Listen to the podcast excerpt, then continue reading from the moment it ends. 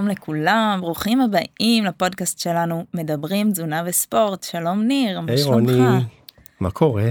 אני בסדר, מה שלומך? מעולה, מרגיש לי הרבה זמן, למרות שאנחנו פה מלא.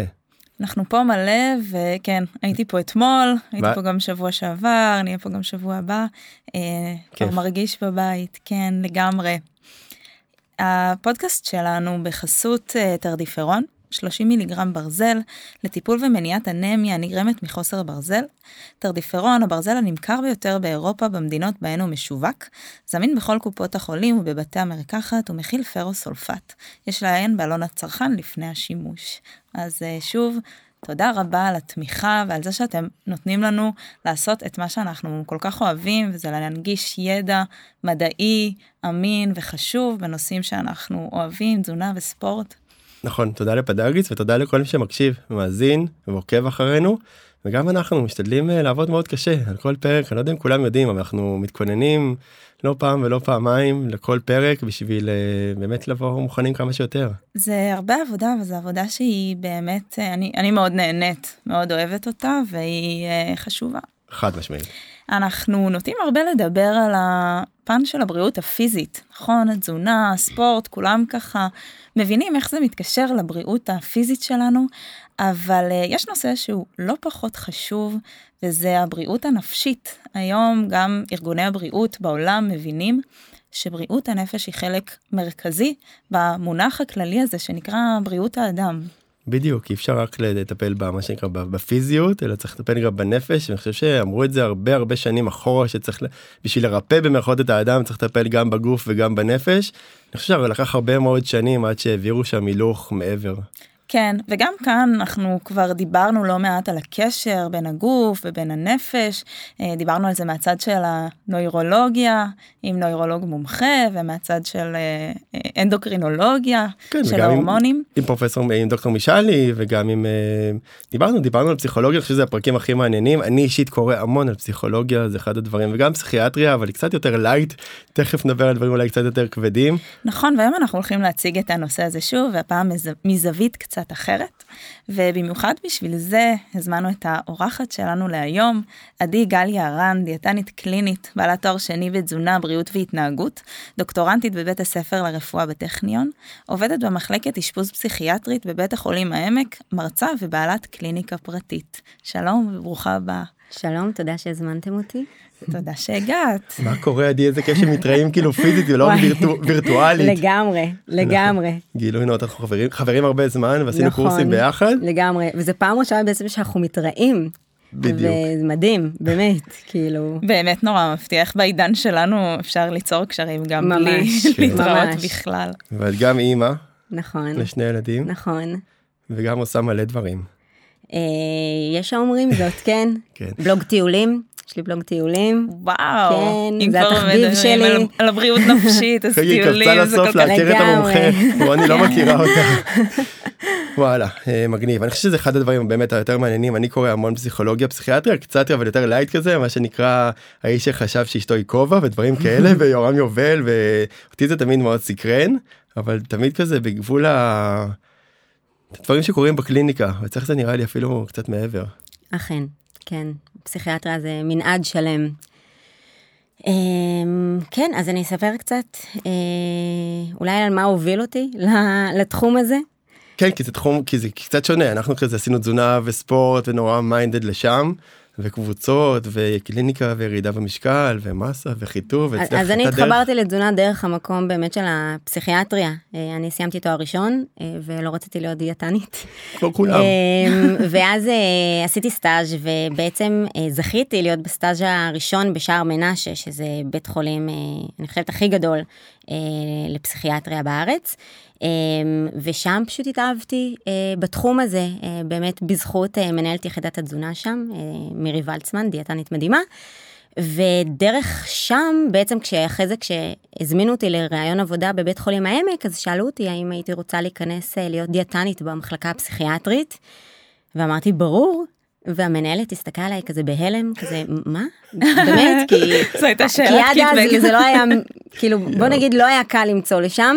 כן, אני וזה- ב- רק ברחתי מבתי חולים, זה כזה, זהו, זה נגמר, אפשר ללכת. אז אני התאהבתי באמת דרך המקום הזה, וזה הסיפור אהבה ממבט ראשון, כי גם המחלקה כבר מאוד מאוד הייתה צמאה לדיאטנית, ואני באתי ככה, ואני שם שבע שנים, ובאמת רוב השנה אני יכולה להגיד שאני קמה עם חיוך גדול אה, וסיפוק ענק אה, לעבודה. באמת, אני יופי. מאוד אוהבת את מה שאני עושה. וזה תחום מדהים ומרתק, שפשוט כל יום נראה שונה מהשני, וזה מה שאני אוהבת בו. באמת אין משהו שהוא מאוד חוזר, אין טיפול שדומה לשני, אין בן אדם שגם אם זו אותה מחלה היא נראית שונה לגמרי. אה, כל הזמן לומדים, זה גם תחום ענק, וכל התרופות, וכל השפה של הפסיכיאטריה.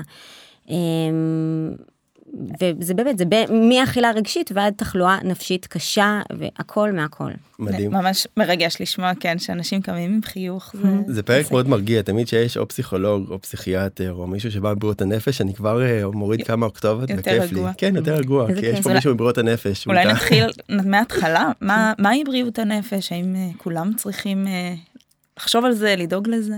אמ, אז מאוד מאוד קשה אה, להגדיר מהי בריאות הנפש, כי זה בעצם מאוד סובייקטיבי. ומאוד תלוי בחברה שאתה נמצא ובתרבות שאתה נמצא בה. אפשר להגיד בגדול שזה אמ, איזון.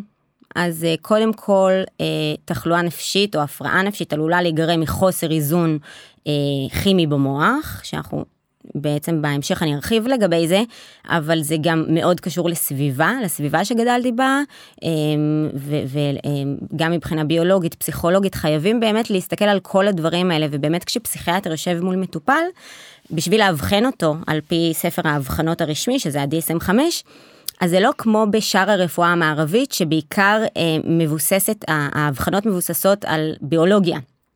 פה חייבים להשתמש במודל הביו-פסיכוסוציאלי בעצם, שהפסיכיאטר חייב להבין מה הרקע של המטופל, מאיפה הוא מגיע, באיזה סביבה הוא גדל, אה, מה הכוחות שלו היום, אז מסתכלים גם על אה, מדדים ביולוגיים, אבל לא רק, זאת אומרת, יש פה ממש... אה, אה, זה מדהים כי אם מישהו סתם יש לו עכשיו קורונה יש לו איזה וירוס אז יש לו וירוס לא כל כך מעניין אם מה היה לו במשפחה או מה נכון, ההיסטוריה. בגלל זה פסיכיאטר זה כל כך אה, מאתגר, מאתגר, ואני גם חייבת לציין שרוב הדברים שאני אדבר עליהם היום, אני, בפסיכיאטר אנחנו הרבה יותר לא יודעים מאשר יודעים. צריך להיות מאוד צנוע בתחום הזה. גם המנגנונים שאני אדבר עליהם היום, יכול להיות שעוד עשר שנים מהיום יגידו, וואלה, טעינו. כאילו, חשוב כן. להגיד את זה. זה חלק אה, מעולם המדע וזה מצד אחד אה, מתסכל מצד אחד זה גם היופי שבדבר נכון. שכל הזמן לומדים דברים חדשים. אני חושבת שהקשר בין הגוף לנפש הוא דבר שהוא ברור כבר די לכולם כולנו מרגישים שיש נפש אנחנו יודעים שיש כזה דבר ו- ומכירים אותו אבל אה, תוכלי להסביר לנו קצת מה קורה שם מבחינה פיזיולוגית. כן, אז אה, קודם כל, שוב, ממה שידוע היום, אז יש לנו הורמונים. הורמונים זה בעצם חומרים שבעצם מייצרים את הקשר אה, בין המוח לגוף, יש לנו את מערכת העצבים המרכזית, ובעצם ההורמונים מקשרים אה, בין המסלולים דרך רצפטורים, רצפטור זה קולטן, שנגיד, אה, אני היום ארחיב אה, לגבי שני אה, הורמונים חשובים מאוד בפסיכיאטריה, שזה הדופמין והסרוטונין, ואולי דרכם ככה נבין את זה קצת יותר לעומק. בדרך כלל זה מופרש ממקום אחד ומשפיע על מקום אחר. נכון, נכון מאוד. אה, ומה שקורה זה שבעצם כשהמערכת שלי מאוזנת, ויש לי רמות אה, סרוטונין למשל מאוזנות, אז סביר להניח ששוב אני ארגיש טוב, לפעמים אני אהיה קצת יותר מדוכדך, לפעמים פחות, אבל זה, זה סך הכל מצב שהוא נורמלי. יש לנו מנעד של רגשות, זה בסדר להיות עצובים לפעמים. שזה קורה לכולם, יש איזה כן. עולה כן, ויורד, לגמרי. כל עוד זה בטווח. לגמרי. מה, מה שבעצם אה, הופך אה, לבעייתי זה כשיש לי חוסר איזון. אז למשל כשיש לי חוסר איזון של סרוטונין, אה, ורמות הסרוטונין שלי מאוד נמוכות, אז אה, עלול להתפתח מזה דיכאון קליני. אה, עכשיו, גם בזה יש הרבה מאוד שאלות. יש המון פעמים אנשים שלמשל, בדיכאון בחלק משעות היום, או זה, זה מאוד מאוד מסובך אה, להסביר את זה בצורה פשטנית, אבל מה שאני יכולה להגיד זה שהתרופות שהם מקבלים, שזה התרופות, אה, בעיקר הקבוצה הגדולה זה ה-SSRI, זה תרופות שתפקידם להעלות את רמות הסרוטונין בגוף, ואז בעצם שאנחנו, אה, אותם אנשים שלוקחים את זה ירגישו טוב יותר. וזה יכול להיות משהו, סליחה שאני קוטע, משהו גם מולד, וזה יכול להיות גם משהו שקרה עקב איזושהי טראומה, פתאום שהרמות ירדו? כן. אומרת, כן, זה בדיוק העניין, החוסר איזון הכימי הביולוגי גם מאוד קשור לסביבה ולטראומה, אנשים שחוו טראומה למשל, זה מאוד מאוד יכול להשפיע על כל האיזון ההורמונלי בגוף. זאת אומרת, הם מן הסתם לא אשמים, משהו קרה שם הורמונלית. אף אחד לא אשם, זה קודם כל חשוב להגיד וגם מכאן המקום של הסטיגמה. Um, תכננתי להגיד את זה בסוף אבל אם כבר העלינו את זה אני חושבת שהרבה מאוד אנשים הרבה יותר חולים ממה שהם היו אמורים להיות בגלל הסטיגמה. כי uh, בגלל שיש לי מניה דיפרסיה אני מתבייש לצאת מהבית או אני מסתיר. הסתרה זה דבר סוד כשאתה שומר סוד הוא גדל וגדל וגדל הרבה יותר ממה שהוא היה אם היית פותח אותו בעצם. חלק מהעניין של הפתיחות ולדבר על דברים כבר מפחית מה, מהאימה מהקושי. ובעצם יש המון המון הסתרה בבריאות הנפש שזה אה, גם מאוד משפיע. אה, וגם אה, כן להרבה אנשים יש סטיגמה. כשאני התחלתי לעבוד בתחום הזה המון המון שאלו אותי מה את לא מפחדת? אה, יכולים לעשות לך משהו? וכאילו אה, אין לי איך להסביר כמה זה לא נכון. זה שבן אדם עם סכיזופרניה לא הופך אותו לאדם אלים יותר וזה שבן אדם עם מניה דיפרסיה לא הופך אותו לאדם אלים יותר. אה, זה אנשים דווקא הרבה פעמים דווקא שמסתובבים מפוחדים בעולם וסוג של עם אור חשוף כזה כי הם כל כך רגילים לקבל פידבקים שליליים מהסביבה שבמקום לצאת לחברה ולהיטמע בה הם, הם בעצם נשארים הרבה פעמים בבית ומאחור וזה משהו שמאוד חשוב לי כאילו אם יש מסר או משהו אחד שהייתי רוצה שאנשים ייקחו למרות שאנחנו רק בהתחלה זה זה. לגמרי, תופעה של הסטיגמה בכל המובנים זה משהו שבאמת צריך למגר כי זה רק מקצין את הבעיה. גם בהשמנה דיברנו הרבה על הסטיגמה, שסטיגמה יכולה להגביר השמנה, וכאן אנחנו מבינים שזה רק יכול להגביר את הדיכאון ואת החרדה אם אנשים מפחדים לצאת מהבית. אמ, אז זה סטיגמה מצד אחד וזה הסתרה מצד שני דיברנו קצת בתזונת ילדים שמתחילים להסתיר ואז זה רק מגביר את הבעיה. ממש המון המון משפחות באמת מגיעים אלינו, לה, אני עובדת במחלקת אשפוז, מחלקת אשפוז אקוטית, זאת אומרת שמגיעים מקרים באמת מאוד מאוד אה, קשים. אמ, והרבה פעמים אנחנו רואים שזה נגיד חבר'ה צעירים שהמשפחה נורא נורא רצתה לשמור וניסו כל מיני סוגי טיפולים בבית וזה אנשים שאחרי שנה שלא יצאו כמעט מהחדר ומגיעים במצב כל כך מדורדר בגלל הקטע של ההסתרה. אמ, ושוב, גם אני לא שופטת, זה גם נורא עניין של תרבויות ומאיפה הגעת. אמ, אבל באמת אין, מה זה אין סיבה להסתיר? שוב, זה עניין של כאילו, גישה. בואו נהיה במקום הזה, אבל לפתוח, לדבר. אני חושבת שגם הסטיגמה הרבה פעמים נובעת מחוסר הבנה כי למה כאשר יש חוסר איזון בלחץ הדם למשל אז uh, זה בסדר אנשים יבואו ויגידו יש לי לחץ דם נמוך אבל אם יש חוסר איזון הורמונלי אז שמה כבר נכנסת הסטיגמה. נכון. צריך להבין שבאמת מדובר פה באיזשהו איזון כימי במוח במצב פיזיולוגי רפואי. לגמרי, והנה אני יכולה לתת לכם דוגמה דרך הורמון אה, דופמין. אה, שבהמשך אני אדבר על מערכת החיזוק והתגמול שזה גם נורא קשור לתזונה אבל בואו רגע סתם נדבר על דופמין. כשאם אנחנו מדברים על חוסר איזון אז דופמין למשל זה הורמון שכשהוא ברמה מאוד מאוד גבוהה אז אנחנו אה, בעצם יכ- אז עלולה להתפתח פסיכוזה. ואז התרופות שנותנים זה להפחית את הדופמין. לעומת זאת, קשב וריכוז למשל, או פרקינסון, זה מחלות שרמות הדופמין נמוכות, ואז התרופות שנותנים למשל לפרקינסון זה תרופות שמעלות דופמין. ואז הרבה פעמים, לא הרבה פעמים, אנחנו עלולים לראות אה, אפילו פסיכוזות למישהו עם פרקינסון שהוא לא חולה סכיזופרניה. ואנחנו יכולים לראות אצל מטופל עם סכיזופרניה שמקבל תרופות שמורידות דופמין ממש תופעות של פרקינסון. וואו. אז שתבינו, זה- בעצם הבסיס לפסיכיאטריה, בעצם חוסר איזון כימי ושבעצם מנסים לתקן את זה דרך תרופות. היום יודעים כמה חשוב גם הטיפול הפסיכולוגי, הסוציאלי, המון מקרים שמגיעים אלינו למחלקה זה מקרים סוציאליים, שבאמת החיים שלהם נורא נורא קשים. איך הם לא יהיו בחרדה? איך הם לא יהיו בדיכאון? אמ, זה קורה לאנשים שהם גם באמת לא בקיצון אני חושב שהרבה מאוד אנשים תכף נגיע לסטרס ואיך הסטרס משפיע עלינו אבל אני חושב שהרבה מאוד אנשים מתנהלים בחרדה בלחץ זה משהו שקורה אז בטח אם הסביבה עוד יותר אה, לא מאפשרת או לא מקבלת זה בכלל מכניס ל...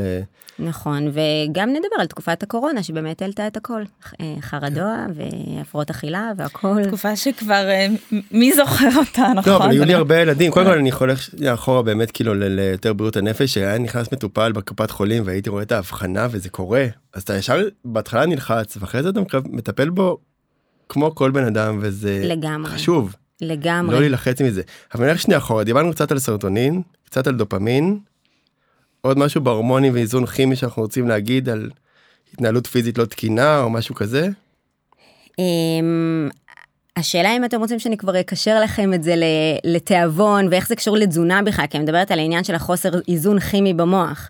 אה, ודיברתי באמת על העניין של הסרוטונין, אז שוב, כשהסרוטונין נמוך, בן אדם זה גורם לדכדוך. אה, בעצם סרוטונין זה הורמון העושר והמצב רוח, אה, אבל חוץ מזה שהורמון העושר והמצב רוח הוא גם הורמון שקשור לרעב ושובע.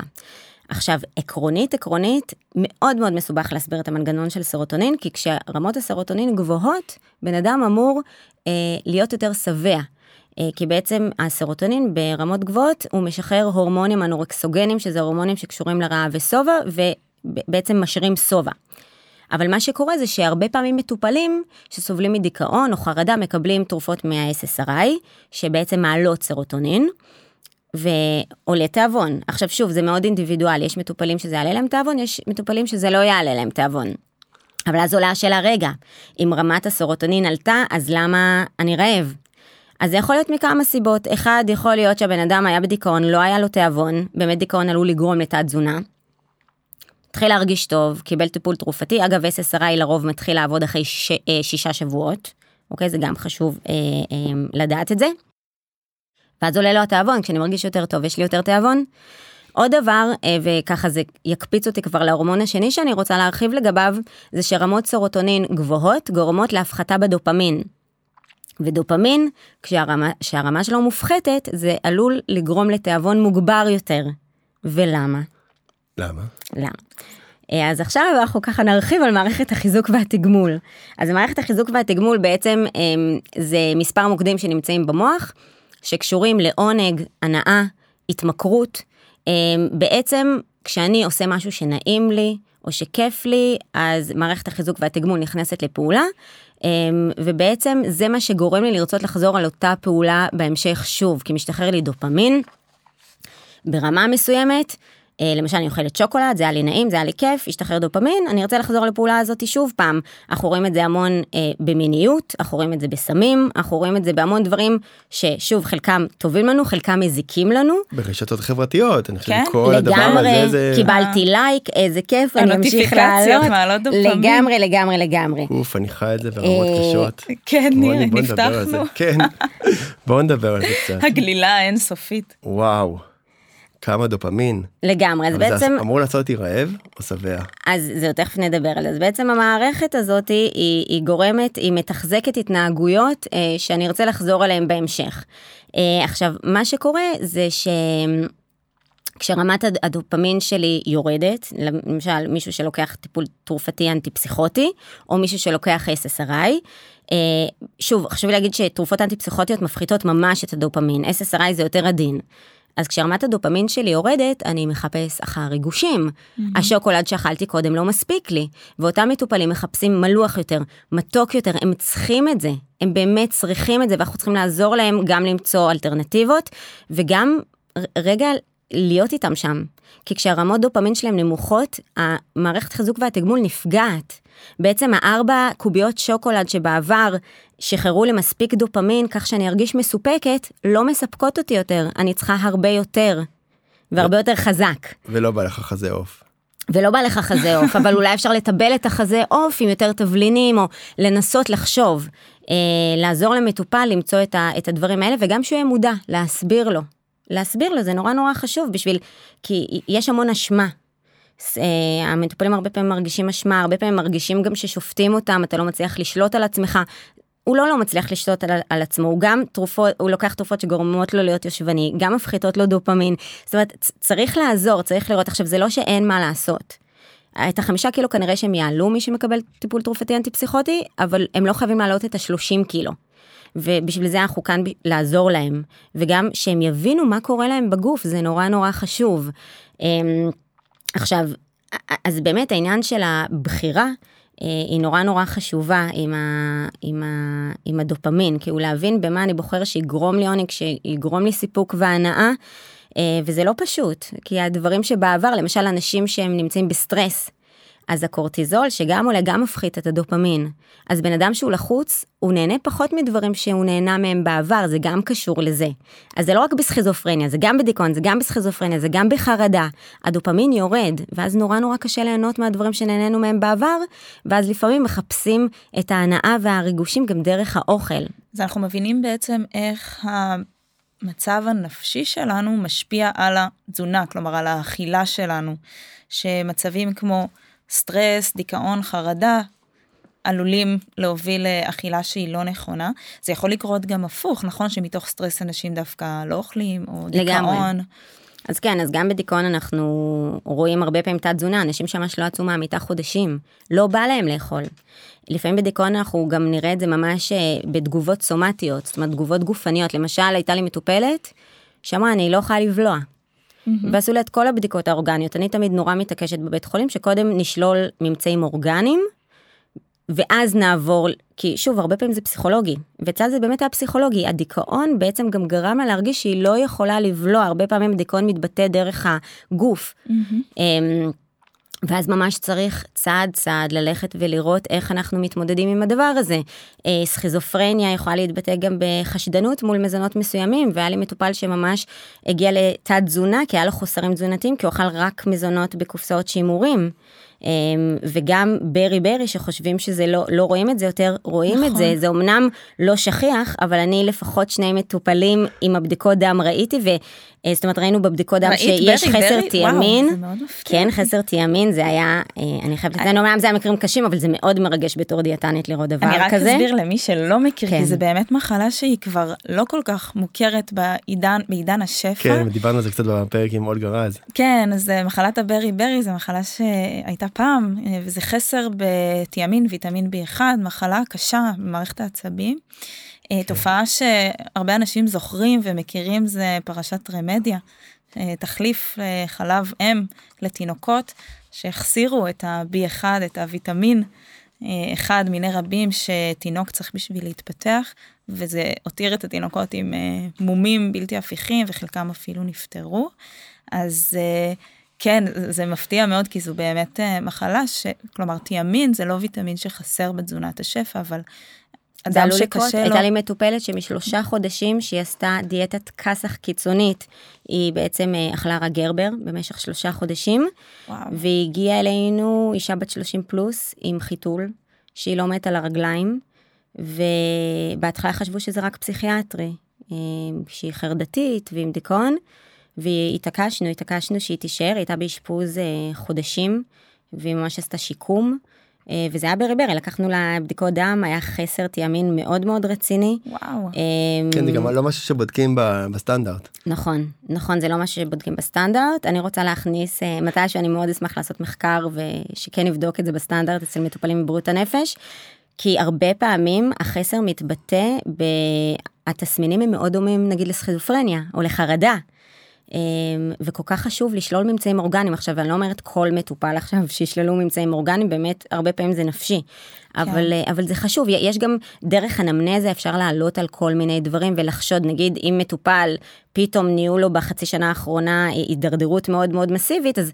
אפשר דרך האנמנזה לשאול אם, אם רואים שהוא גר לבד ושהוא מוזנח ושהוא אוכל רק מקופסאות שימורים אז אומרים בואנה יש פה סיכוי לברי ברי כן. כן, אבל למרות, אז... למרות עולם השפע, יש אנשים שמאוד מצומצמים, נכון. ובטח ילדים ובני נוער, שוב, זה ספקטרום שאנחנו מדברים עליו, מאכילת תקינה סבירה עד באמת אה, מחלות נפש, אבל גם באמצע יש כאלה שלמרות השפע, מאוד מקובעים ולא נכון. במקומות הטובים ואז כן אפשר להגיע לחסרים. לגמרי. שגם B12 וחומצה פולית יש עוד בוודאי. כמה דברים שחסרים יכולים לעשות תחושה כזו או אחרת. לפני שאנחנו אה, נדבר על החסרים הזכרנו את הסטרס. חושבת שסטרס זה המילה של העידן המערבי לגמרי. שכולם משתמשים בה כל הזמן ואנחנו באמת חיים בסביבה שהיא עם הרבה לחץ, הרבה סטרס, אורח החיים המערבי מביא, מביא איתו אה, גם הרבה סטרס, ומה זה בכלל? סטרס. כלומר... אז קודם כל בוא נדבר על חרדה שנייה באופן כללי חרדה זה מטריה mm-hmm. של המון המון הפרעות תחתם יש הפרעות אכילה אגב הפרעות אכילה זה הפרעת חרדה בעצם שמתבטאת הרבה פעמים בתסמינים שקשורים לאוכל. OCD שזה Obsessive Compulsive Disorder הפרעה טורדנית כפייתית זה אני חושבת שלפחות חצי מהמטופלים שמגיעים אליי הם עם OCD. אה, והרבה פעמים יבחנו אותם בטעות עם הפרעת אכילה, נגיד אנורקסיה. Mm-hmm. עכשיו הייתה אצלי מטופלת שהיא לא אנורקסית, אין לה שום בעיה בדימוי הגוף, זה בעצם ההבחנה המבדלת הכי גדולה שאפשר בעצם, הדבר הכי חשוב לבחון עם המטופלים האלה, האם הם, יש להם איזושהי בעיה בדימוי גוף. היא אמרה לי, אני לא רוצה להיות רזה, אני סובלת מזה, אני רוצה לעלות במשקל, אבל עצם המחשבה על לאכול, פשוט אין לי כוח. עכשיו למה אין לה כוח? כי כל פעם שהיא מתחילה להכין לעצמה ארוחה, היא תצליח להגיע לאכול אותה רק אחרי ארבע שעות. נכנסת ללופ. כי היא נכנסת ללופ, היא צריכה ליישר את הפיתה, היא צריכה ליישר את הקוטג', זה לוקח לה שעה כל דבר כזה בערך. היא צריכה אחרי זה לשטוף כל כלי עשרות פעמים, ופשוט לא בא לה. עכשיו הפתרון הוא לא להקל עליה ולהגיד לה תשתי אינשור, כי אני בעצם נותנת יד לרגרסיה שלה, אני לא רוצה. אז צריך לעבוד צעד צעד. חשיפות. אה, חשיפות, עבודה בחשיפה. אה, וזה מאוד מאוד לא פשוט, אבל אפשרי, אפשר לעשות עבודה נפלאה עם, עם מטופלים בעצם שסובלים בהפרעות באכילה, אה, על בסיס תחלואה נפשית, חרדה למשל. אה, אבל אני אגיד רגע שנייה על חרדה באופן כללי, למה היא כל כך מסוכנת לנו מבחינה פיזית. חרדה זה דבר טבעי, מצב טבעי, אם אני עכשיו רודף אחריי אה, דינוזאור, ואני... בצפון זה קורה. זה קורה מלא. במרכז כן, פחות, אבל מי שמגיע מהצפון זה יכול לקרות. על בסיס יומי זה קורה, אז, אה, ואני בורחת. אז אה, זה חרדה שהגיוני שאני אהיה במצב fight or flight, כאילו שאני אהיה בחרדה. ואז הגוף שלי עושה משהו נורא חכם, הוא בעצם כל כולו אה, מתאגד למשימה. ואז באמת יש עלייה בלחץ דם, ויש איחור של סוכרים בגוף, ויש איחור של קורטיזול, וכל מיני דברים שבאמת הם נורא נורא חשובים בשביל שהגוף יוכל להתמודד עם הסיטואציה הזאת. עכשיו אם זה משהו שקורה פעם ב... למשל דינוזאור, זה ממש נדיר להתעכב בדינוזאור, אז זה בסדר, אבל אם זה משהו שקורה על בסיס יומיומי, כרוני, זה מצב שממש עלול לגרום לתחלואה פיזית. למה?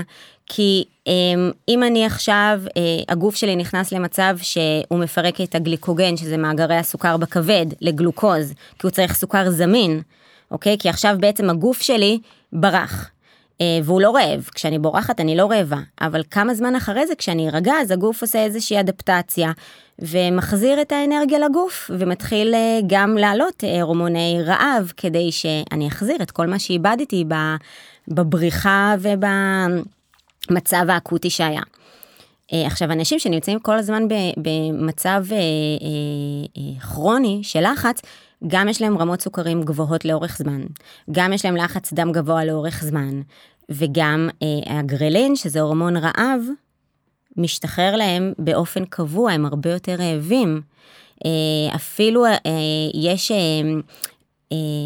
מחקרים, זה מחקרים פרה-קליניים, אבל זה יהיה נורא מעניין לחקור את זה, שמראים שבאנשים עם פוסט טראומה, רמות הגרלין יותר גבוהות, כי הם כל הזמן, הרי כשאתה נמצא בפוסט טראומה, אתה בעצם נמצא במצב של חרדה מתמדת, כל הזמן. אה, וזה מצב שהוא מאוד מאוד לא בריא לגוף. זאת אומרת שזה סטרס אקוטי אז הגוף מדכא את הרעב, אבל כשזה סטרס כרוני אז הגוף מעודד את הרעב. זה מה שאני מבינה. לא, גם כשהוא אקוטי, ברחת, נרגעת, אז הכוונה של הגוף טובה, היא רוצה ש... להחזיר. כבר כש... כן, אז תחשבי שזה כרוני, זה מין כל הזמן גלים כאלה שהם לאורך כל היום. ועוד דבר נורא חשוב, ש... שחשוב גם אה, להבין שרמות הקורטיזול גבוהות, שזה גם מה שמשחרר את הסוכר וזה, אז זה גם מדכא את מערכת החיסון. בגלל זה אנשים שנמצאים בחרדה זה אנשים הרבה יותר חולים, הם בעצם הרבה יותר רגישים לפתוגנים של הסביבה, והם יהיו הרבה יותר חולים. האנשים האלה שכל הזמן חולים, אז הרבה פעמים אתה אומר, זה בגלל שהוא חרדתי הוא כל הזמן חולה וכל הזמן מדבר על החולי, ויכול להיות שגם הוא באמת יותר חולה. נדייק את זה שקורטיזול זה הורמון הסטרס. כי את אומרת אותו כן, בין כן, לבין, אז כן. כאילו שכולם הבינו. קורטיזול זה הורמון שעולה בזמן שאנחנו בסטרס. כן, בקיצור זה לא טוב לנו הדבר הזה. כלומר, זה כן טוב שיש קורטיזול, הוא חשוב ברמה הישרדותית, אבל זה לא טוב שהוא מופרש ב... ביתר, כן, הסטרס לא טוב לנו לאורך כן. זמן. גם האדרנלין, שוב, האדרנלין זה הורמון שאנחנו נורא מחפשים אותו, נורא נכון. מחפשים אחר ריגושים, וזה אחלה, וכיף, אבל צריך לקחת בחשבון ש... כל הזמן כשאדרנלין מופרש, שזה גם קשור לקורטיזול וכל המערכות הסימפתטית והמער... אני, אני לא רוצה להרחיב לגבי זה כי זה באמת להיכנס נורא נורא לעומק ואני לא רוצה להעיק, אבל בגדול בגדול את לא חשוב. מעיקה, פשוט יש לנו רק שעה, אז לא, נכון, לצערנו. אז באמת, אני רוצה, אני רוצה שהמאזינים יישארו איתי. כן. בגדול, להיות בסטרס מתמשך זה לא טוב. זה לא טוב לאור הפנים. זה לא סתם, טוב לשום סתם, דבר, גם לאור הפנים, ככה אני אני מגייס בטוחה. אותם. לגמרי. אבל הרעב מגיע, זה משהו שצריך להבין, שההורמון רעב, כאילו החשק לאכול יגיע, ואם נצליח להוריד ולנהל את הסטרס יותר טוב, אני חושב שזה יעזור לכולנו. יש לי מטופל שהוא אמר את זה בצחוק, כן, כי אני לא אוהב את המילה שמן, אני לא משתמש בה, אבל רק בשביל זה, ואז הוא אמר, אנחנו השמנים, כשאנחנו עצובים אנחנו אוכלים, כשאנחנו שמחים אנחנו אוכלים, כשאנחנו בלחץ אנחנו אוכלים. אז כאילו יש גם, אני חושב שיהיה מעניין גם לחקור את זה בהמשך, האם יש הבדל בין אה, BMI כזה או אחר, אבל בגדול יש אנשים שנראה לי נוטים יותר ופחות, ובאמת הסטרס הוא משהו שבטח במדינת ישראל, בטח אה, 2023, אנחנו חיים את זה נונסטופ, גם בצפון וגם בדרום וגם במרכז. לגמרי. וזה משפיע, ואז מישהו שהוא כאילו בסטרס יכול להיכנס שוב לחרדות וכדומה, וזה יכול גם להידרדר. נכון, אנחנו הרבה פעמים שומעים שהסטרס עושה כל מיני דברים, ועכשיו אנחנו גם מבינים למה, כלומר איך המצב הנפשי משפיע על האכילה. ועכשיו נשאלת השאלה ההפוכה, איך האכילה או איך התזונה יכולה להשפיע על המצב הנפשי, אם בכלל. אז קודם כל כן, ולכן אני פה. גם אמ, אני מקווה שהבינו את השאלה, כי זו הייתה שאלה גאונית, רוני. כן? כן. תודה רבה. אז קודם כל לתזונה אמ, יש השפעה נרחבת על איך אנחנו מרגישים, כי קודם כל סרוטונין ו- וכל ההורמונים שדיברתי עליהם זה נגזרות של חומצות אמינו, חומצות אמינו זה אה, אבן בסיס לחלבונים, אז מן הסתם זה משפיע. מהמם. קודם כל יש את העניין הזה שהורמונים זה בעצם אה, זה תוצר של חלבון שאנחנו צורכים מהתזונה הרבה מהם כן, אם דיברנו על סביבה, אז אנחנו גם מה שהסביבה שלנו, מה שהגנטיקה וגם מה שאנחנו אוכלים. לגמרי. ויש את העניין של הוויטמינים והמינרלים ש, שהם ממש ממש קריטיים, אנחנו ממש, אה, אה, אני חושבת במיוחד בפסיכיאטריה, חסר שלהם ממש יכול, למשל חסר של B12, חסר של חומצה פולית ממש יכול לגרום לדיכאון. אני רוצה לספר סיפור על זה, אפרופו גלילה אינסופית, יום אחד קפץ לי לפיד איזשהו סרטון של בחור שאני לא מכירה, אין לי מושג, אבל uh, ככה זה עובד בפיד, נכון? והוא סיפר שאיזשהו שלב בחיים uh, הוא ממש נכנס לדיכאון מאוד מאוד קשה. ולא הצליח לצאת ממנו הרבה מאוד uh, חודשים, והוא סיפר שהיו שלבים שהוא אפילו רצה לשים קץ לחייו. נכון, ו- ראיתי את זה גם, זה הזוג זה הזה, גם? נכון, כן. כן, ראיתי. ואז אה, בת זוג שלו באיזשהו שלב אמרה לו שהוא או שהוא הולך לטיפול או שזה נגמר ביניהם משהו כאילו ממש שמה לו וטו ו... והוא הלך לפסיכיאטרית ופסיכיאטרית שאלה אותו כמה שאלות ובסוף היא אמרה לו לך תעשה בדיקת דם של B12 וזה אדם שלא כל כך האמין מאמין ברפואה קונבנציונלית לא כל כך עושה בדיקות בסופו של דבר הוא השתכנע ללכת לפסיכיאטרית השתכנע לעשות בדיקות דם ה-B12 שלו היה ממש נמוך. והוא מספר שברגע שהוא התחיל לקחת B12 פתאום חזר לו חזרו לו החיים והדיכאון חלף וזה פתאום הרגיש לי כאילו וואו כי זה אנשים שלא יגיעו אליי לטיפול. וזה אנשים שלא עושים בדיקות דם ביום יום כי אנחנו מבקשים לראות את ה-B12 ולהגיע למצב של B12 כל כך נמוך זה דבר שאני אישית לא נתקלת בו ואמרתי איזה מזל. לגמרי. שהוא הלך לבדוק. שזה מחזיר למקודם, גם עם עידן השפע, למרות שהוא אמור לאכול מספיק בשביל לקבל ב-12, הוא הצליח להגיע לחסר, כאילו, בדיוק. זה מדהים. ממש. אז אני יכולה להגיד שלתזונה יש השפעה מאוד מאוד גדולה. אה, התזונה הים תיכונית זה בעצם התזונה הכי מומלצת, אבל אני חושבת שכל תזונה שהדגש שלה הוא אוכל לא מעובד וכמה שיותר מגוון, עם דגש על ירקות, אה, קטניות, אה, פירות. אגב, קטניות, אני תמיד חוזרת על זה כי זה נורא חשוב בעיניי, קטניות זה הסופר פוד היחידי שאני מכירה. סופר פוד זה בעצם אה, מונח מאוד שיווקי שמאוד עוזר לדחוף לנו מוצרים נורא נורא יקרים ונורא בעיניי מיותרים. קטניות באמת זה משהו שאנחנו לא צורכים מספיק ויש בו כמעט הכל, אם לא הכל. זה גם חלבון, זה גם פחמימה, ויטמינים, מינרלים, הכל, סיבים תזונתיים, זה באמת, אה, אני סופר פוד כמו שאמרת. לגמרי סופר פוד. אמ, אז באמת, קודם כל, אז באמת במובן הכי פרקטי, כל כך חשוב לאכול מגוון. אה, אני שמה המון המון דגש על דפוסי התנהגות סביב האוכל, יותר חשוב לי איך הבן אדם אוכל מאשר מה הוא אוכל. Mm-hmm. כמובן שחשוב מה הוא אוכל, אבל קודם כל איך אתה אוכל. ארוחות מסודרות, אה, ארגון הצלחת, להיות בקשב לאוכל. לכבד את עצמי, לכבד את המזון שלה, שבצלחת שלי, אנחנו כבר לא הולכים וצדים את האוכל שלנו, וזה קצת מובן מאליו, הכל נורא מהיר ואינסטנט, אז קודם כל הדגש הוא, הוא על זה. אני חושבת שאפשר לעשות עבודה שיקומית נפלאה דרך תזונה ואורחות חיים. אמ, וגם יש כל מיני דיאטות ספציפיות, למשל התזונה הקטוגנית. תזונה קטוגנית שזה תזונה שמבוססת על שומן אה, וחלבון בעיקר, זה בעצם תזונה שהיא מרתקת בעיניי, כי אני באופן אישי לא מתחברת אליה, אה, אבל אבל הספרות מראה שיש הספרות קשר. הספרות מראה שיש קשר יפה מאוד. עכשיו העניין הוא שלעשות מחקרים גדולים זה נורא קשה כי גם אם היה מחקר שאסף 100 אנשים אולי עשרה מהם בערך הצליחו להתמיד בדיאטה הזו לאורך זמן. וכאן חשוב לי להגיד התמדה זה שם המשחק. אל תתחילו שום דבר שאתם לא יכולים להתמיד בו. באמת, רוב הדיאטות נכשלות כי נורא קשה להתמיד בהם. אז באמת, תמצאו משהו שנוח לכם, גם אם זה לא תזונה ב-100% בריאה, הכל טוב. לא צריך לאכול 100% בריא. היא, כן, היא מאוד אה, טרנד לדבר עליה, נכון. אבל מאוד מאוד קשה ליישם אותה, נכון, מאוד קיצוני. אבל יש תיאורי מקרה מדהימים, באמת, שאנשים עם סכיזופרניה עמידה, עם דיכאון עמיד, שדבקו בתזונה הקטוגנית ו- והצליחו להפחית לחלוטין את התסמינים עד רמיסיה. ברגע שהם חזרו לאכול רגיל, חזרו כל התסמינים. מעניין. אבל זה מאוד מעניין, זה מי שבעצם אה, החוקרים שמאוד מאמינים בדיאטה הזו ובגישה הזו, מדברים על זה שבעצם אה, רוב הסוגי ההפרעות נפשיות, תחלואה נפשית, הפרעות קוגניטיביות, קשורים להרס מיטוכונדריות. Mm-hmm. בור... שוב, אה, בטח צריך להסביר מה זה מיטוכונדריה, אבל מיטוכונדריה זה, זה בעצם איזשהו גופיף, איזשהו רכיב נורא נורא חשוב בגוף שלנו, שבעצם מייצר את, קשור לכל האנרגיה בגוף שלנו וקשור לעוד הרבה דברים אחרים, גם להורמונים. פעם חשבו שבעצם מיטוכונדריות לא, אין מיטוכונדריות חדשות עם, ככל שמתבגרים, היום יודעים שזה לא נכון. ובעצם התזונה הקטוגנית אומרת, דרך העניין של הקטונים, שבעצם הגוף מקבל אנרגיה מקטונים, המוח, ולא מסוכר, וזה בעצם אה, גורם למוח אה, לחדש ולעשות נוירוגנזה ולייצר מיטוכונדריות חדשות. בעצם לחדש תאים אה, מתים במוח שאנחנו צריכים לחדש אותם.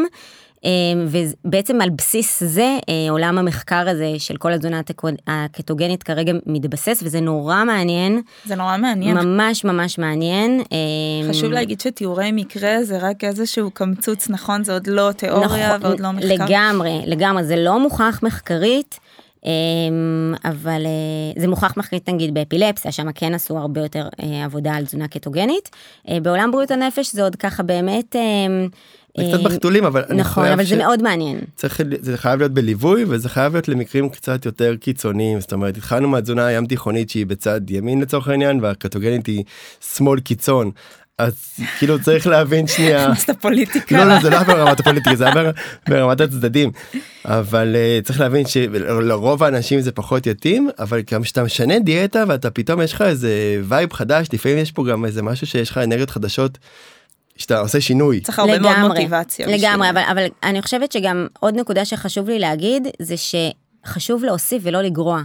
כאילו אני כדיאטנית מגיעים אליי קודם כל מה אנחנו מוסיפים לתפריט לפני מה אנחנו גורעים מהתפריט כי תחושת חסר והקיפוח גורמת לאנשים בסוף אוקיי חמישה ימים עמדו בזה ואז סוף שבוע כאילו אללה בבאללה כאילו מתחרעים על כל המקרר ולכן אני אומרת אתה לא אוכל קטניות תוסיף כל יום נגיד מנת קטניות דברים כאלה זה הרבה יותר אה, יעיל. לגמרי ממש. לגמרי כי הרבה פעמים יש תחושה ש... הנחיות תזונתיות זה לא זה ולא זה ולא נכון. זה ואני הרבה פעמים אוהבת להדגיש מה כן.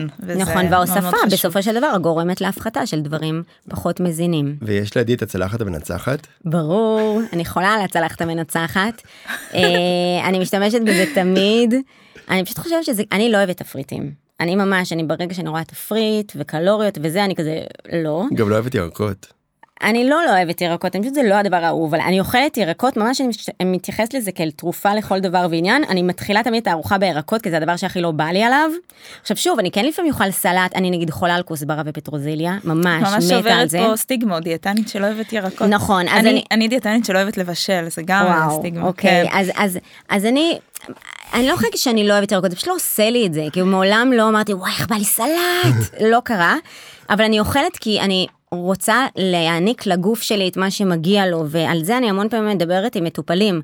אנחנו עושים את זה מתוך, אם אני אוכלת סלט מתוך... אה, חוסר אהבה של הגוף שלי כי אני רוצה לשנות אותו כי אני רוצה זה סביר להניח שיהיה לי קשה להתמיד בזה אבל אם אני אוכלת סלט כי אני רוצה להעניק לגוף שלי את כל הוויטמינים והמינרלים הזה זה ממקום אחר לגמרי, והתוצאה היא אותה תוצאה, זה רק עניין של הגישה. אפילו יותר מוצלחת, נכון. נכון, אז בסוף העניין, את אוכלת סלט, אבל פעם את אוכלת סלט ומתמרמרת, ופעם את אוכלת נכון. סלט ונהנית. כן. אז העניין של הצלחת המנצחת גם מאוד תופס בקרב ילדים, ובקרב כולם, כי אם אני רוצה פסטה, אז תסבירי אני- רגע. אוקיי, אז אני אוכל פסטה, אבל הצלחת הצלחת המנצחת זה בעצם, תדמיינו מרצדס, כאילו את הסימן, שליש, שליש, שליש.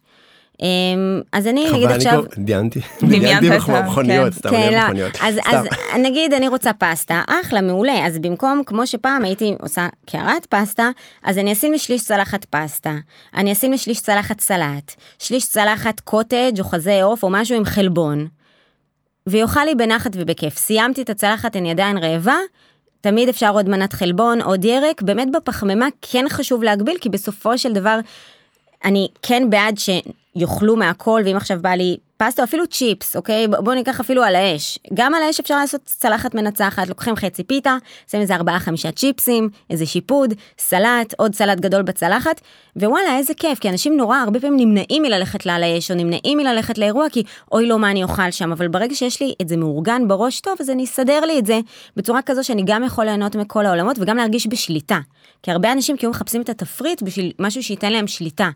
אבל ההפך, הוא פתאום, רגע, יש לי תפריט, אבל אני הולכת לחברה עכשיו, אז מה אני אעשה? אז אני או לא אלך אליה, או אתפרק שם. נכון. והצלחת המנצחת מאפשרת לי, אוקיי, כאילו אני על זה. בסדר, אני יכול להסתדר עם כל מה שיבוא. יפה. כזה. טוב, אז אה, אם אה, בתזונה וספורט עסקינן, אז אה, איך פעילות גופני, גופנית, משפיעה על המצב הנפשי? אמ, אנדורפינים, אנדורפינים, אנ- אנדורפינים, זה באמת משהו שאני כל הזמן, אני אמ, בעצם שבע שנים עובדת במחלקה הפסיכיאטרית, ואני כל שבוע מנחה שם קבוצה. אמ, ואני זוכרת שבהתחלה כשהמנהל מחלקה אמר לי אני רוצה שתפתחי קבוצה אז אמר כאילו קצת התביישתי אפילו אמרתי מה קשור לבוא למטופל ששבוע שעבר אה, היה לו ניסיון התאבדות ולהגיע לעוד מטופל שהוא בהתקף פסיכוטי ואותה מטופלת שבכלל בקושי מסוגלת לצאת מהמיטה לבוא ועכשיו כאילו לעשות להם קבוצת אורחות חיים זה היה נראה לי מנותק. ועם הזמן גיליתי שלא רק שזה לא מנותק הם מחכים לזה באמת זה, זה קבוצה שממש ממש הולך לה כאילו במחלקה אה, ברוב המקרים ואני עושה להם גם פעילות גופנית. וזה נורא כיף כאילו באמת פשוט לפעמים זה עם מוזיקה לפעמים לא אבל החמש דקות האלה הרבה פעמים אני עושה סבב כזה איך אתה מרגיש לפני איך אתה מרגיש אחרי וזה מדהים כמה שזה זה מעורר וזה מעורר גם כי יש את השחרור אנדורפינים שזה הורמונים שגורמים לנו לתחושה טובה. גם את עניין של התחושת מסוגלות החלטתי שאני עושה משהו אני יכול לס- לסמן את ה-V, זה גם קבוצה שכל אחד בוחר במשימה מקדמת בריאות, הרבה פעמים זה הליכות. אז יש, כאילו הם צריכים ממש לעדכן אם הם עשו את זה, לא עשו את זה, ויש בזה משהו גם בעניין של התגמול והחיזוק החיובי. ספורט בעצם אה, גם עוזר לנו לתחושת המסוגלות העצמית, בגלל זה נורא חשוב לבחור גם מטרה שהיא ישימה ויעילה. אמ, וגם העניין של השחרור הורמונים זה תרופה לכל דבר ועניין זה בעצם משחרר הורמונים שתרופות משחררות. אני אומרת למטופלים תתייחסו לזה כמו תרופה יש לנו 24 שעות ביממה לכל אחד מאיתנו יש שעות יותר טובות ושעות פחות טובות תבחרו את הזמן הטוב שלכם ותצאו ל-20 דקות אפילו חצי שעה שזה קצת יאתגר אתכם אבל שזה לא יגמור אתכם. ופה אני רוצה לחבר את זה לעניין של החיזוק והתגמול שדיברתי עליו מקודם. אם אני הולכת לעשות ספורט כדי להיות חטובה זה מטרה שלא נותנת לי תגמול מיידי. כי לגמרי. אני לא אהיה חטובה לא אחרי פעם אחת ולא אחרי חמש פעמים ואז אוקיי חמש פעמים הלכתי אני לא מספיק חטובה לא בא לי יותר. אבל אם אני נגיד חוזרת מהעבודה ואני הולכת לעשות 20 דקות חצי שעה ספורט כדי להיות ערנית יותר. אני אהיה ערנית יותר כבר באותו יום, וזה בעצם, המערכת הזאת, איך שהיא עובדת, זה יעזור לי לחזור על אותו הפעולה שוב פעם, כי השתחרר לי דופמין, היה לי חיזוק חיובי, ובגלל זה נורא חשוב שגם אנחנו כאנשי מקצוע נעזור למטופלים למצוא אה, את המשימה הזאת והמטרה הזאת שתיתן להם עוד היום את החיזוק החיובי הזה, לא כדי לרדת במשקל, אבל את לא תרדי אחרי פעם אחת שתעשי ספורט במשקל, בגלל זה זה נורא נורא חשוב שיהיה לנו גם מטרות של הכאן ועכשיו. ולעשות משהו שאוהבים, גם פה צריך להתמיד בסוף. ברור, העניין, התמדה זה שם המשחק בכל דבר בחיים. כן, אנחנו כמעט בכל פרק אה, מסבירים כמה פעילות גופנית חשובה מאספקט אחר, אני חושבת שצריך מתישהו לעשות פרק שמאגד את הכל. אה, אז אה, גם בפן הנפשי, הפעילות גופנית, כמו שאת אומרת, ממש עובדת כמו תרופה ל... לגמרי. וזה גם עובד גם הפוך. יש מחקרים, זה נגיד הוכח מחקרית. פעילות גופנית הוכחה כממש מטיבה ומשפרת את המצב הנפשי באופן ניכר, כמו תרופות. זה ממש חשוב, אה, עכשיו יצא לא מזמן מחקר מאוד מאוד גדול, אה, שממש, אה, כאילו, שורה תחתונה, לעשות פעילות גופנית, לא לוותר, באמת, ממש חשוב. זה מדהים כמה שזה ברור ועדיין חלק עושים וחלק זה באמת מאתגר. כן, יש אנשים שבאמת אה, פחות אוהבים את זה, וגם יש, אני מניחה, שונות בין אנשים, יש אנשים שיותר נהנים מזה, ויש אנשים שאצלם... אבל יש כל כך הרבה סוגי פעילות גופנית, אפשר לרקוד, אפשר ללכת, אפשר כאילו... אז זה מחבר אותי לשאלה הבאה. כאילו השאלה הייתה כאילו איך מצב נפשי יכול להשפיע על הפעילות. זאת אומרת שהם, ב- שהם בלמטה נכון, זה קשה. זה מאוד קשה, כי בעצם יש פגיעה מאוד קשה במוטיבציה, בין אם זה בגלל המצב הנפשי, דיכאון, אה, וגם יש תרופות שפוגעות במוטיבציה, כמו כל התרופות האנטי-פסיכוטיות, הן גורמות ליושבנות. כאילו בעצם תדמיינו בן אדם עם פסיכוזה, שבה התרופה מורידה בעצם את, את רמות הדופמין, זה בעצם נועדה להרגיע אותו, אבל היא מרגיעה את כל המערכות, גם את מערכת העיכול, בגלל זה הרבה פעמים אנחנו רואים עצירות, יש איזושהי האטה של הכל. גם של המוטיבציה. ואותם אנשים זה בעצם צריך לעשות איתם עבודה ממש של צעדים קטנים, כל פעם לבחור משהו, כל הזמן להיות אבל בתנועה, לא ללכת אחורה. אוקיי, קשה לך? אז תקום מהמיטה, כי זה ברמה הזאת, נגיד אם אני מדברת עם מטופל עם דיכאון קליני, אז היום אתה קם, עושה סיבוב באמת מסביב לסלון וחוזר. זה ממש בדברים קטנים. אבל אם הוא קם ועושה את זה, תחושת המסוגלות עולה. כן, לפני שהתחיל הפרק דיברנו על, על CBT וקצת על לקחת מכל, אה, מכל דרך טיפול, לקחת קצת, ואחד מזה, מה שאת אומרת עכשיו, זה בעצם לעשות חשיפות, כאילו לא לוותר וכל פעם לעשות קצת, מה שאתה מסוגל תעשה ולהיחשף ולא לא להיכנע למה שאתה מרגיש. לגמרי. לג... מה, מה זה לא, תראה, להגיד לא להיכנע זה, זה, כן, אולי זה, זה לא המינוח הכי זה, טוב. זהו, זה אני קצת. זה קצת קשה, כי באמת, אבל יש בחירה. כן, זאת אומרת, אני אומרת, יש לנו אה, הרבה ש... עקרונית, התחלואה הנפשית, אף אחד לא חסין ממנה. אה, זה יכול להגיע לכל אחד מכל שכבות האוכלוסייה, אבל העניין הוא שגם בחוסר שליטה, תמיד יהיה לנו משהו שכן יש לנו בחירה בו. אפשר לבחור איך אתה חי לצד המחלה. אמ, אז אני אומרת, זה כאילו נשמע קצת שיפוטי, אפילו גם כשאני אומרת את זה, אני מרגישה עם זה קצת לא בנוח, אבל אנחנו צריכים לעזור למטופלים למצוא את המקום של הבחירה, ואיך הם בוחרים לחיות לצד המחלה. זאת אומרת, יש אפשר- לך משפט מאוד יפה שאת אומרת שכאילו אתה זה לא המחלה, זאת אומרת שאנחנו לא תמיד המחשבות שלנו. נכון. אמ, אנ- אנחנו, זאת אומרת, אצל מישאלי, בקור אחד הקורסים שעשינו, אני חושב שכולנו עשינו אותו לדעתי, לפחות כן, רובנו. אני, כן, אני גם. סבבה, אז כולנו עושים את הקורס. יש שם איזה שלב שהוא מדבר שכאילו אחד היעדים או המטרות של המטפל זה להיכנס בשביב שנייה הזאת פחות משנייה שבן אדם מקבל החלטה הרי בסוף אתה מקבל החלטה לא חשוב על מה כן לעשות לעשות פעילות לא לעשות פעילות כן לאכול לא לאכול לבחור את הצ'יפס לא לבחור את הצ'יפס יש איזה חצי שנייה פחות מזה שאתה מקבל את ההחלטה ואומר כאילו אמנות היא איכשהו בסוף ביחד עם המטופל להיות מסוגל להיכנס בשנייה הזאת שאתה מקבל את ההחלטה ולקבל אותה יותר נכון. לא תמיד לא במאה אחוז זה לא תמיד יעבוד אבל אתה אמור הרי זה רבע שנייה של החלטה. נכון, ואני אומרת, גם לכל בן אדם, שוב, אם יש לי מטופלת שמרגישה שהיא חסרת שליטה לחלוטין באוכל, אבל יש מקומות בחיים שלה שכן יש לה שליטה. וצריך דרך המקומות האלה לעזור לה להתחבר שוב למוקדי שליטה שלה. אמ, אבל באמת, חשוב לי להגיד גם עוד, אה, עוד דבר ולחזור לעניין הזה של, ה, של התזונה.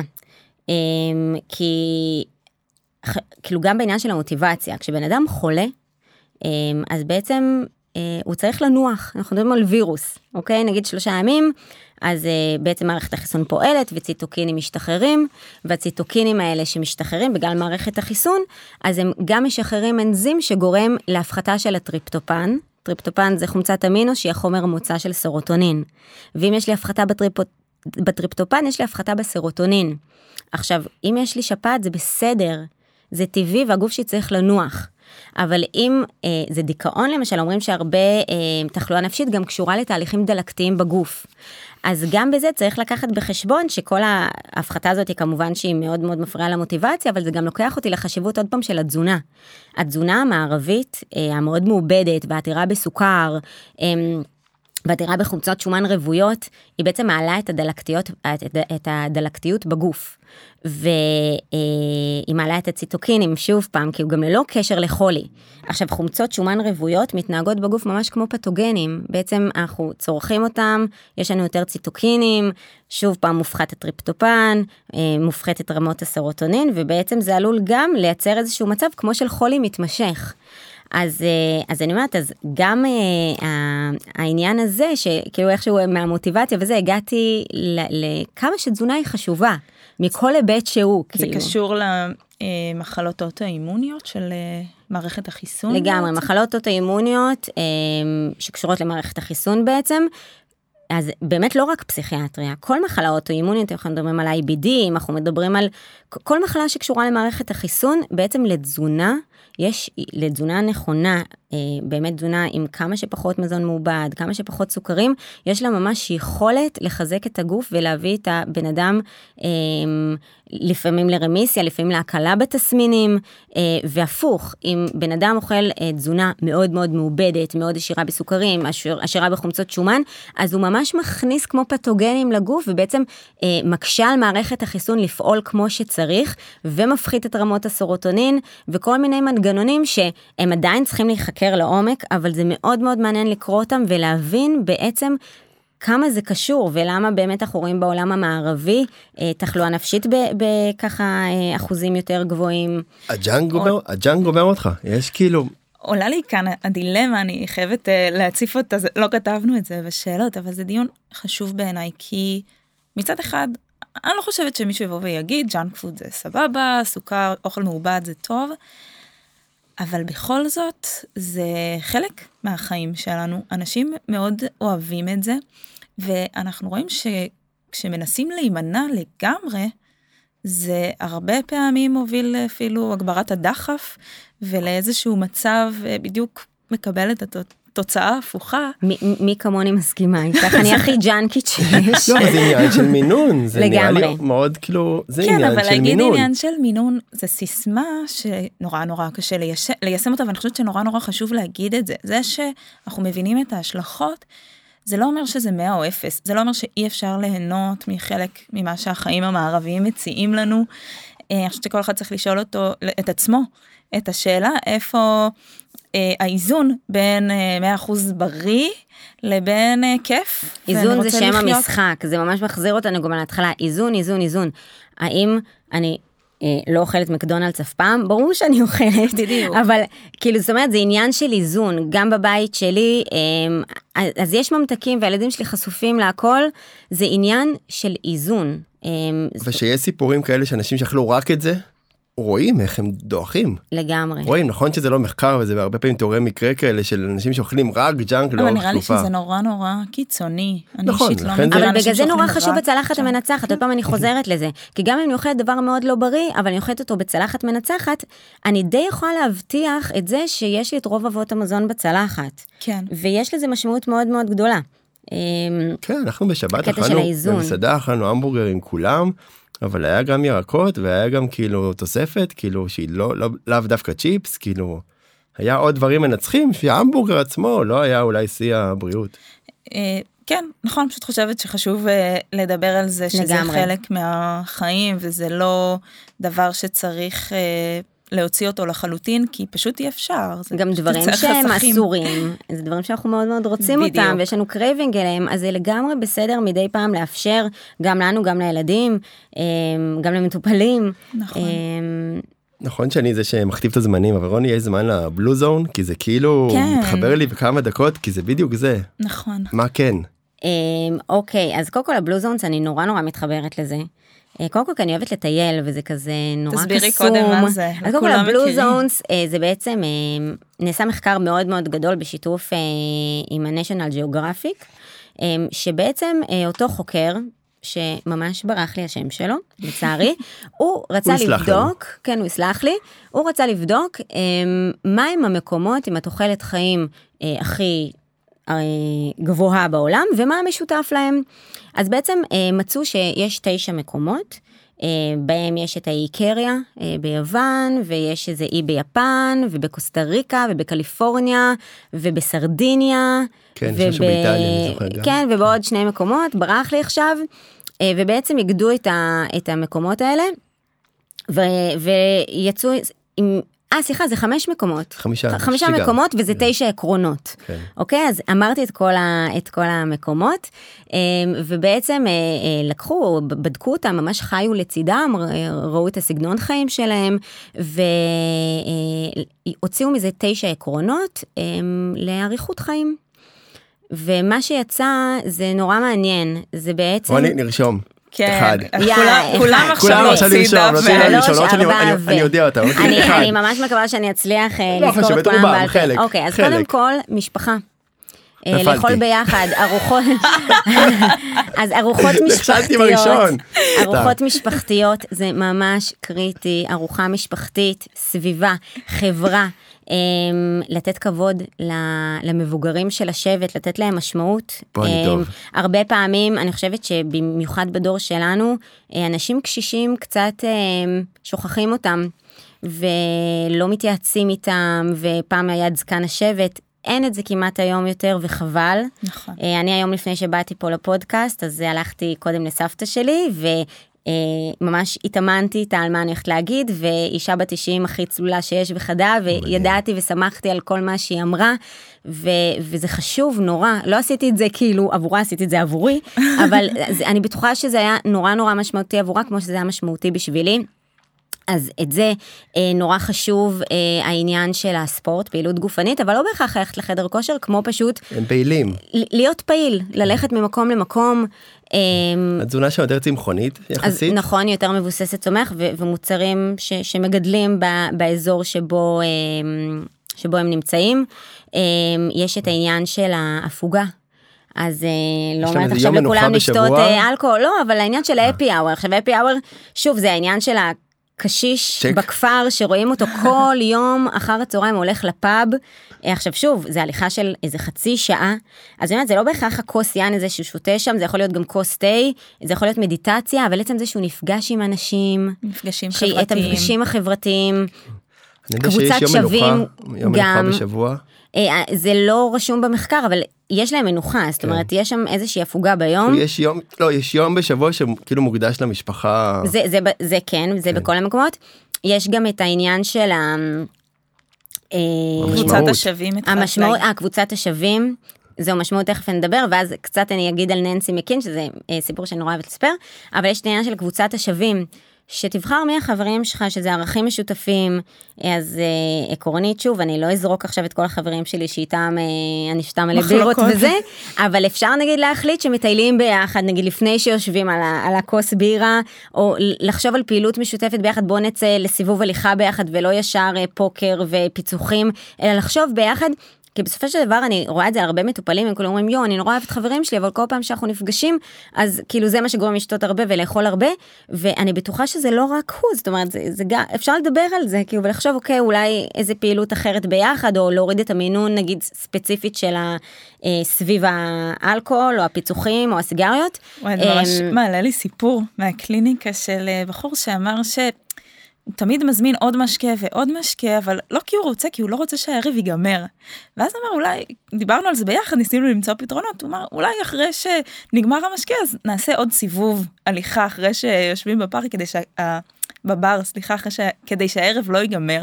הוא אמר, וואי, זה היה ממש כיף. ממש. אני יכולה להגיד לכם שכל הסיפור שלי של הבלוג טיולים, בעצם התחיל מזה שאני הייתי אחרי לידות, והיה לי עודף משקל כאילו ממש רציני אחרי ההריונות, אה, וגם לא אכלתי כל כך בריא, זאת אומרת, הייתי צריכה לעשות איזשהו שינוי של אה, אורח חיים, ואני מאוד אוהבת מסעדות, ואני מאוד אוהבת את הבירה כשאני מגיעה למקום חדש. ו...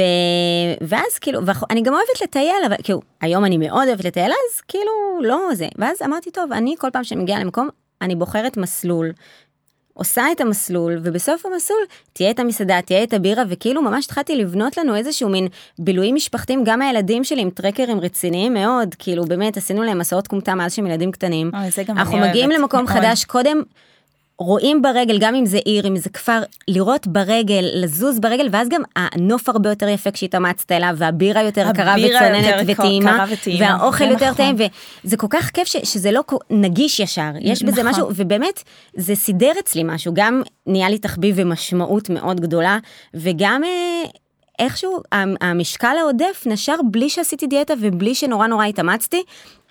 ובאמת העניין של המשמעות הוא קריטי. אנשים הרבה פעמים, גם אם הם עובדים נורא קשה, הם לא בהכרח מוצאים משמעות וסיפוק בעבודה שלהם. חשוב למצוא משמעות, אז גם אם אתה עובד בעבודה לא מספקת, אבל היא מתגמלת אותך מבחינה כספית, תגדל עציץ בבית שאתה משקיע בו. תמצא תחביב, תעשה משהו בשביל מישהו אחר. אה, ואם יש לי זמן, אני אגיד בקצרה על... כן, זאת אומרת, בבלו זונס יש גם עניין של משמעות. לגמרי. אוקיי, וש... זה, זה מתחבר? זהו, זה מתחבר באמת לסיפור של ננסי מקין, שככה נתקלתי בו, אני אפילו לא זוכרת באיזה קורס, שזו אישה בעצם שהייתה בעודף משקל, שקלה סביב ה-300 קילו, אם לא יותר, אישה מארצות הברית. אמ, ואז היא עברה לגור אצל אחותה, אמ, ואחותה קנתה לה מחשב, וזו אישה שלא הייתה יוצאת מהבית בכלל. עכשיו זה היה עידן הצ'אטים כמו צ'אט אה, תפוז, בכל מיני כזה נושאים. היי יואל. אה, כן, מה, מה היה הכינוי שלך בתפוז, אתה זוכר? אז אמ, בקיצור זה היה כינויים מאוד מביכים, כי זה של פעם, אנחנו לא נזכיר מה היה הכינויים שלנו בצ'אטים האלה, אבל בגדול, אה, אז היא נכנסה לצ'אט פוליטיקה. והיא הייתה קרישה שם, היא כאילו כולם חיכו לרגע שננסי תעלה, אף אחד לא יודע איך היא נראית, לא, יד, לא ידעו מי היא, וואו. רק תפסו מהחוכמה שלה וחיכו שהיא תגיע, וממש כל יום היה לה שם מקום נורא נורא אה, של סיפוק ומשמעות, והאישה הזו ירדה בכוחות עצמה, יש גם ראיון איתה ביוטיוב, אה, מעל 150 קילו, בלי ניתוח, בלי תרופות, לדעתי אפילו יותר, לדעתי היא ירדה המון במשקל. בגלל המשמעות. בגלל המשמעות, היא פתאום מצאה משמעות לחיים שלה, זה כל כך, זה, זה כאילו נשמע נורא קלישאתי, אבל קלישאות הן לא סתם קלישאות, יש סיבה לזה שהן קלישאות, והרבה פעמים הן נכונות. אז אני אם פעם נורא פחדתי מלהיות אופטימית מדי, וחיובית מדי, וקלישאתית מדי, היום אני מבינה שזה הכוח שלי. אני מאוד מאמינה בקלישאות, אני חושבת שהן נכונות. לא, באמת, ולחשוב חיובי. ולנסות למצוא תמצית לחיים, גם אם החיים מאוד קשים, אפשר למצוא מקומות שאני כן מצליח לאחוז בהם, ואני חושבת שאני גם משתמשת המון במושג מטופלים. אה, נהוג להגיד מתמודדים עם, פשוט אני עובדת בבית חולים, אז כאילו זה אוטומטית מטופלים, אבל אנחנו כאנשי טיפול נורא חשוב לעזור אה, לאותו מתמודד. למצוא את המשמעות, למצוא את הסיבה לקום בבוקר, למצוא את הדברים שהוא טוב בהם, זה יכול להיות אפילו לא קשור לתזונה. הרבה פעמים דרך, דרך המקומות האלה מגיעים גם לשיפור בתזונה. אה, אז לא חייבים להתמקד רק בתפריט ורק באוכל ורק בספורט, זה חשוב. התחלנו את הפרק בקשר בין הגוף לנפש וסיימנו אותו וזה נראה לי מאוד מאוד אה, סגירת מעגל מאוד מאוד יפה. כן, נקודה טובה. טוב, אז uh, כן, היה פה המון המון המון, ויכלנו כמובן עוד להמשיך, אבל uh, זמננו תם לצערי. Uh, רק רגע לפני סיום, כמה שאלות אישיות ברשותך. אז uh, מה היית אם לא היית דיאטנית קלינית? וואו, אני מניחה שהרבה היו חושבים שהייתי רוצה להיות uh, בלוגרית uh, טיולים בלוג, כאילו אבל לא אני לקחת אחריות על טיול של אנשים אחרים אין לי בעיה שיקחו ממני השראה אבל זה מלחיץ נורא לא הייתי רוצה. Um, כש, כשהייתי ילדה תמיד אמרתי שאני אהיה במאית נורא רציתי להיות במאית. Um, אני לא יודעת להגיד לכם. אבל אני בן אדם שנורא אוהב לטרוף את החיים והייתי רוצה לעשות משהו שנותן לי את אותה משמעות אני, אני באמת לא לא יודעת. מה, מה, אבל אה, ניקח את אני מניחה שהייתי מוצאת משהו, כאילו... כנראה. בפוזה של הבמאית כרגע. כן, כן, ממש. תגידי, מה המאכל האהוב עלייך? אני נורא אוהבת אוכל, אני לא אוהבת. הכל, אני... עקרונית, אה, אני נורא אוהבת אה, ממולאים. היה את הפלפל ממולא של סבתא דורה, זיכרונה לברכה, עם הבגט ועם הזה. אה, אני מאוד אוהבת סושי, קרפצ'ו, אני אוהבת דברים כזה, גם אני. אוהבת הכל, אני, כאילו, אני חולה על אוכל, על כל דבר. אה, ניצחת. כן. ושאלה אחרונה, אולי תהיה תשובה אחת. אה, איזה ספורט את עושה, אם בכלל? אז אני עושה ספורט, זה עושה לי ממש טוב. אני עושה, זה משתנה, זה תקופות, אני מנסה להרגיש אותי ומה טוב לי, לפעמים זה הליכות, לפעמים זה יהיה תקופה, עכשיו אני מתחילה אימוני כוח בחדר כושר, בטח ניר יהיה גאה בי. מאוד. אה, משתנה, אה, לפעמים ריקוד, אני מאוד אוהבת לרקוד, אה, זה- ממש משתנה, אני תמיד אעשה משהו, אני תמיד אהיה בתנועה. בורחת אה, מדינוזאור- טיולים. בורחת מדינוזאורים. מדינוזאורים. מדינוזאורים, כן, טיולים בטבע. בקיצור, אני, אני בן אדם גם מאוד מאוד אקטיבי. אה, אני צריכה להיות בתנועה כל הזמן. אז... איזה יופי. טוב, אז uh, תודה רבה רבה שהגעת אלינו, היה מאוד מעניין, פרק uh, חשוב. ומרתק, באמת. כן. תודה. אז תודה אה, רבה. תודה רבה, תודה. ותודה לכם המאזינים שלנו. נשתמע בפרק הבא. ואל תשכחו לדרג. כן, בבקשה, זה מאוד מאוד עוזר לנו. מעולה. יאללה ביי. ביי ביי.